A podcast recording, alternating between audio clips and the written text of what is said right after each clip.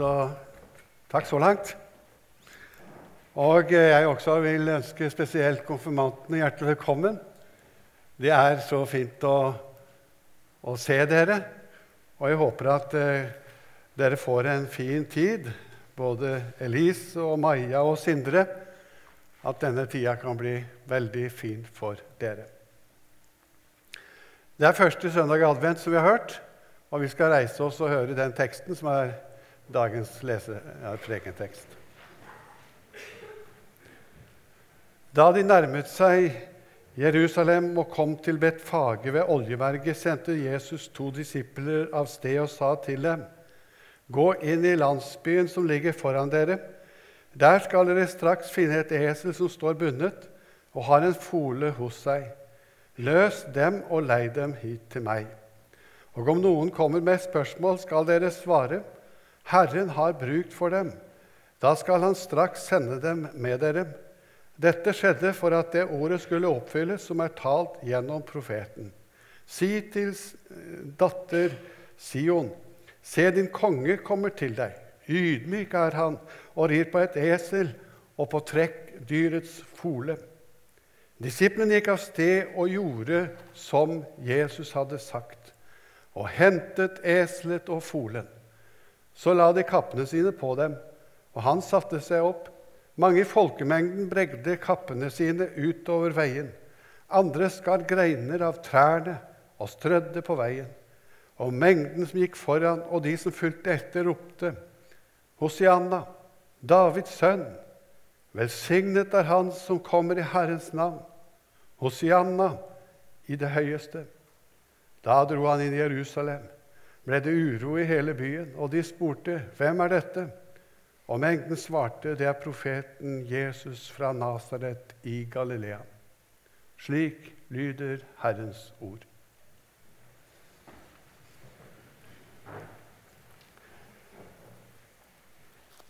Se, din konge kommer til deg.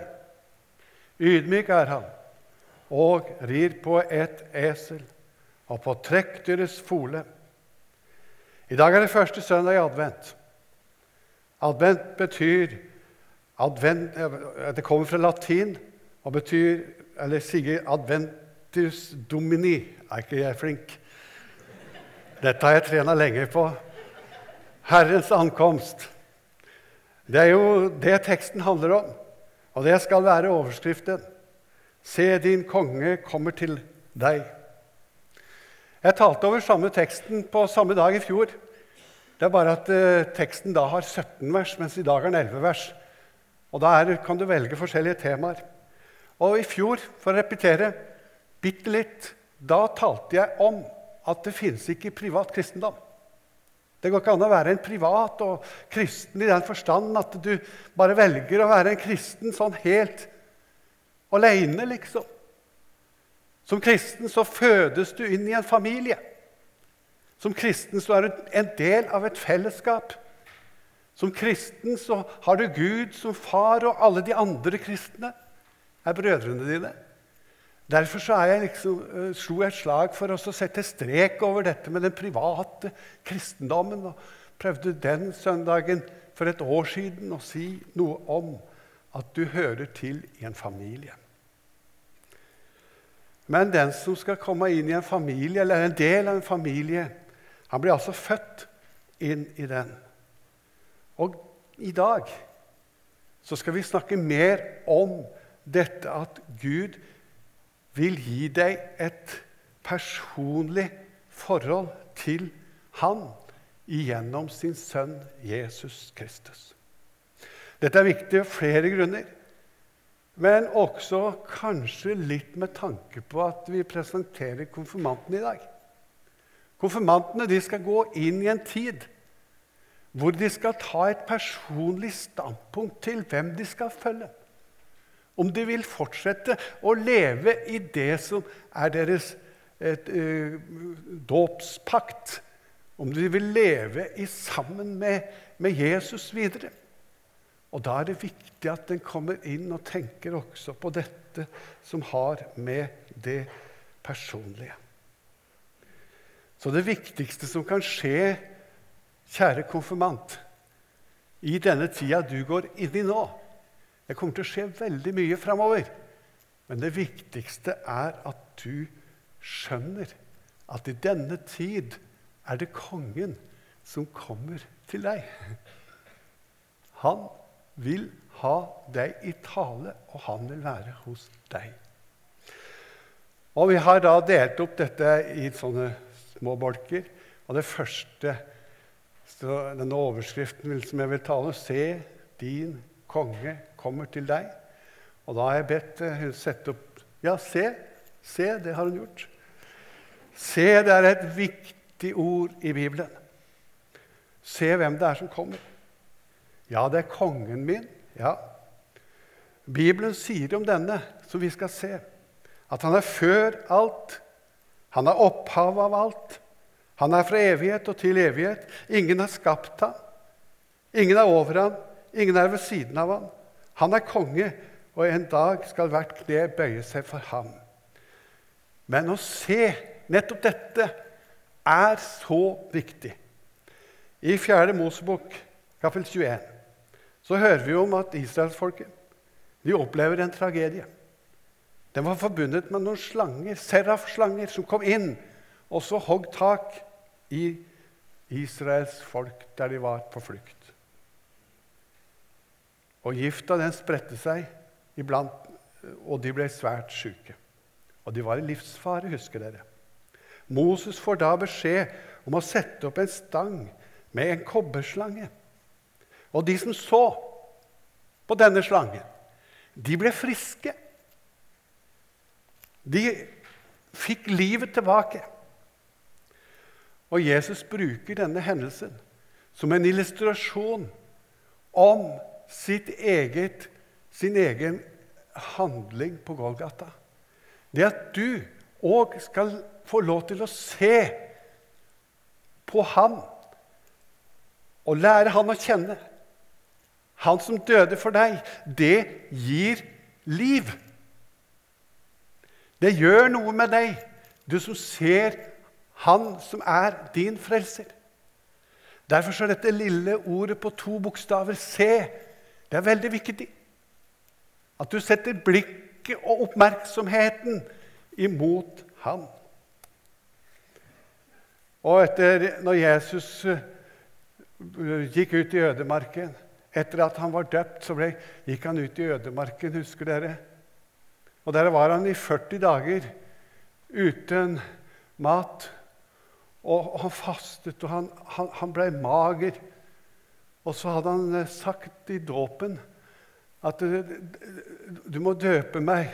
Og så bekjente han all verdens synd, på en måte. Og så kommer han tilbake radmager, nedbøyd. Og så peker Johannes og sier til folket rundt Se! Se! Der er det Guds lam som bærer verdens synd. Det er så viktig at du får se Han. Han bærer vår synd. Jesus gjør det. Dine synder. Han er vår frelser. Han er den som vi skal få lov til å klenge oss til. Så konfirmantene. Dere tre. Nesten, hvis det hadde vært én, så hadde jeg ikke turt sagt, for da hadde jeg måttet bruke navn. Men tre konfirmanter. Tenk hvor heldige vi er. Og resten av forsamlingen. Det er i grunn dette som er hovedoppgave for alle kristne. At vi skal løfte opp budskapet om at Jesus døde på korset for oss, slik at folk kan se og få liv. For det er liv i å se på Jesus. Det er liv i å se det han har gjort. Det skaper liv, og det frelser mennesker rundt hele jord. Det er derfor Misjonssambandet har drevet hele tiden iherdig innsats som å peke på Jesus, sende ut mennesker som forkynner budskap om Han, slik at de kan få nye mennesker kan få se. Det er slik at eh, når dette ordet forkynnes, ordet om Han som er vår frelser. Så kommer Den hellige ånd og kaster et lys over dette budskapet, slik at du skjønner og du ser at han er din frelser. Og da, akkurat da, når du får se det, så stilles du på valg. Og Jeg ser det for meg at det er i det øyeblikk mennesket er mest fritt.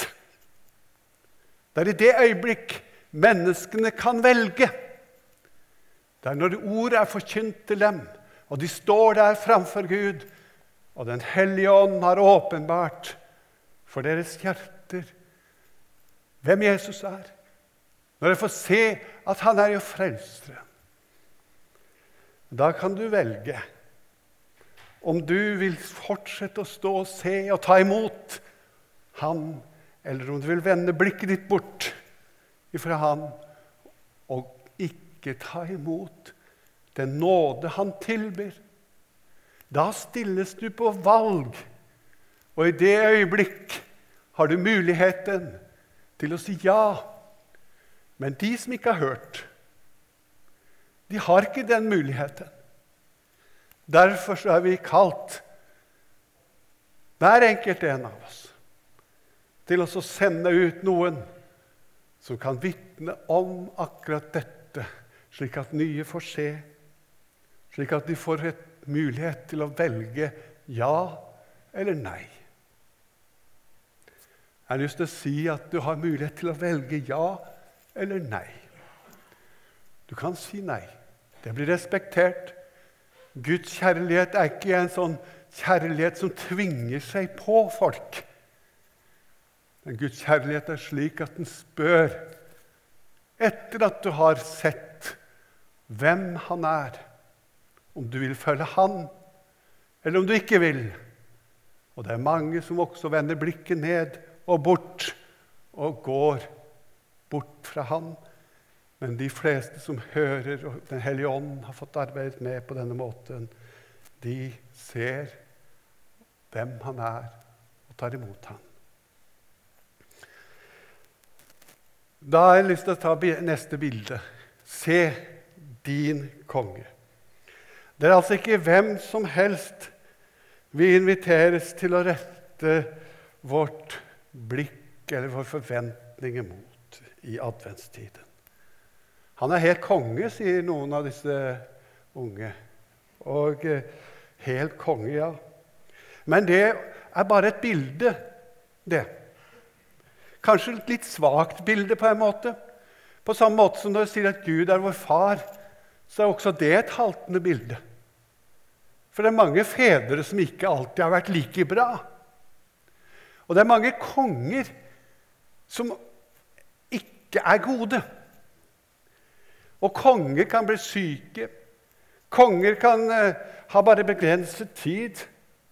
Men allikevel så er dette med at Jesus er vår konge, og det ordet 'konge' det, er, det, det symboliserer en makt.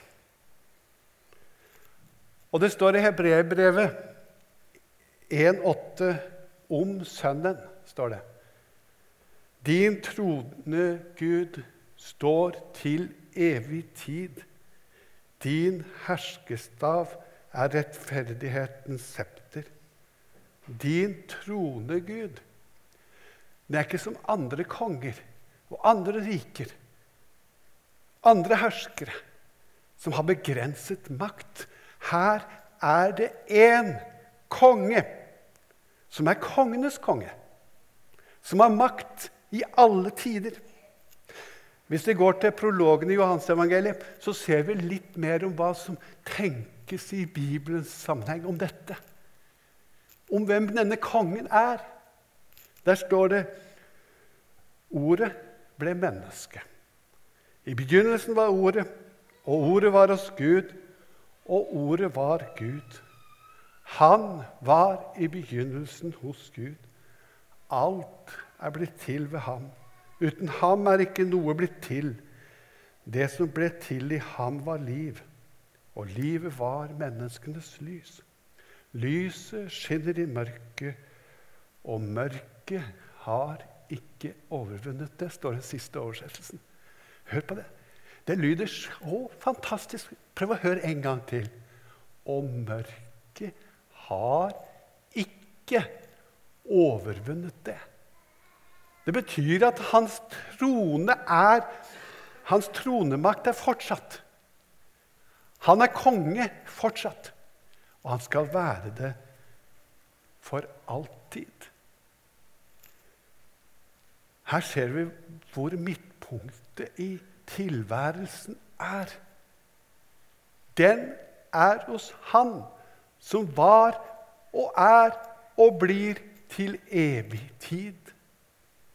Midtpunktet er Jesus, Ordet, som var før alle ting. Jeg sa at konger i vår tenking har begrensninger. Men Jesus, han var konge før begrensningene kom inn. Før jorden ble skapt. Før alt ble til, var han. Og han er og blir. Begrensningene kom først inn når syndefallet kom. Hos han er det ingen begrensninger.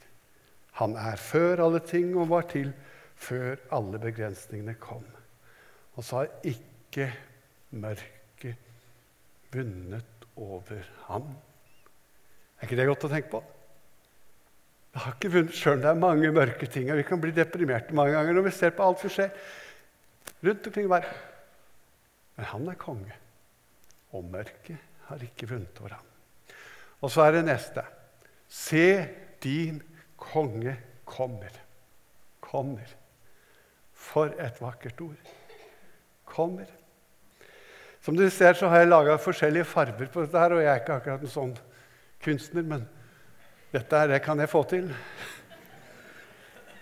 Og eh, jeg tenker at det, det, røde tok jeg på din og på oss. Og det, det, da tenker jeg at det er kjærlighetens farge. Blå tror jeg er kongens farge. Tenk på makt og ære og herlighet.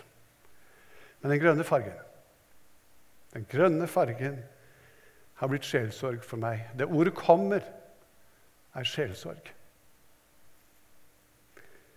Derfor er det slik at du som lever i mørket, du som eh, har sykdom, plager, du som mange år har erfart smerte med ubesvarte bønner, både fysisk og psykisk smerte du som har ligget våken natt etter natt, overveldet av angstens forferdelige, piskende smerte, og som har sittet kanskje inn i angstens fengsel. For det er et fengsel. Du som kanskje gruer deg til enda en jul i smerte smertens tegn. Som har noen tomme stoler og noen vonde ting å tenke på. I dag så har jeg tatt ordet 'kommer' med grønn farge. Fordi det er et trøstens ord til deg. Og det er merket da med håpets farge.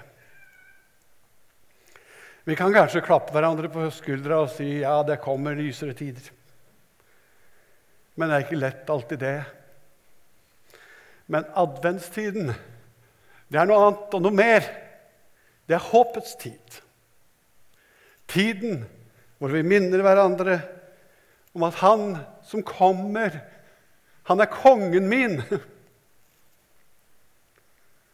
Og jeg tror Jobb hadde denne grunnerkjennelse i ryggmargen, der han sitter på Askehaugen og sier Jeg vet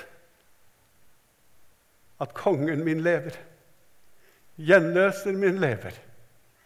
Og som den siste skal han stå fram i støvet.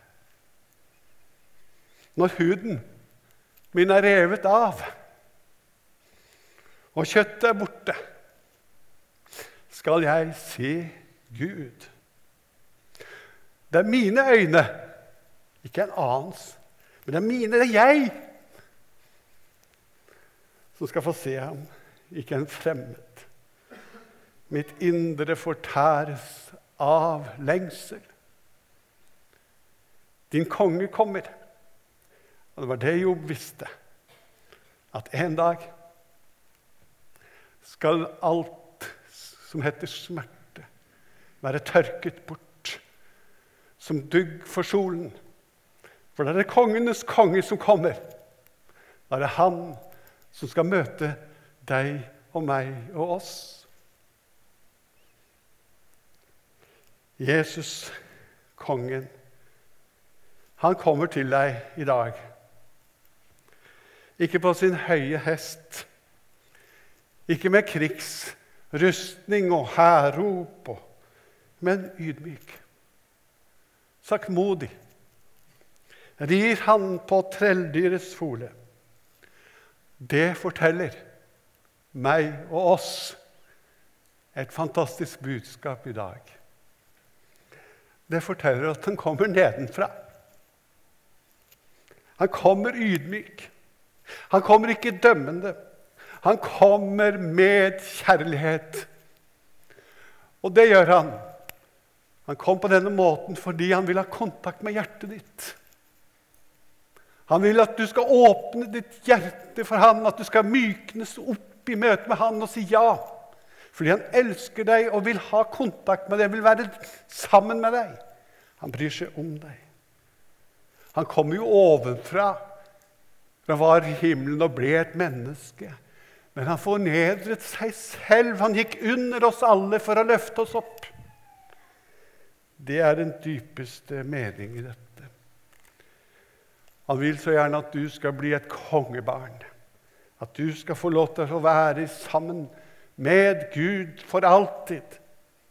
Og så kom han for å få kontakt med hjertet ditt med et frelsens budskap, kjærlighetens store budskap og kjærlighetens handling på en slik måte at han ga livet sitt for deg.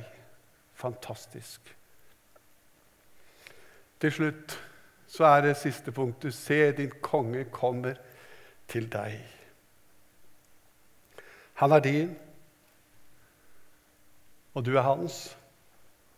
Han vil ha et personlig forhold til deg, som jeg har sagt. Han vil ha respons når han kommer. Reaksjonen til de som møtte Jesus denne dagen, som vi har hørt om i teksten, det var at de velsignet ham. De bredte ut kappene sine. De tok og kappet tre grener og la foran ham. De ropte Hosianna, Davids sønn. Velsignet være Han som kommer i Herrens navn. Hosianna i det høyeste. Hva skal dette lære oss? Hva slags respons skal du og jeg ha på dette at Jesus vil være kongen? Jesus vil komme inn i hjertet, og han kommer til oss. Du skal få velsigne han. Lovprise han. Du skal få lov til å legge til rette, slik at hans kongemakt kan få feste i ditt hjerte, i din nærhet og utover den hele jord i misjonens store tjeneste. På denne måten går takken for evangeliet tilbake til Gud. Vi vil at flest mulige skal få høre det. Takke ham, lovprise ham og spre budskapet videre.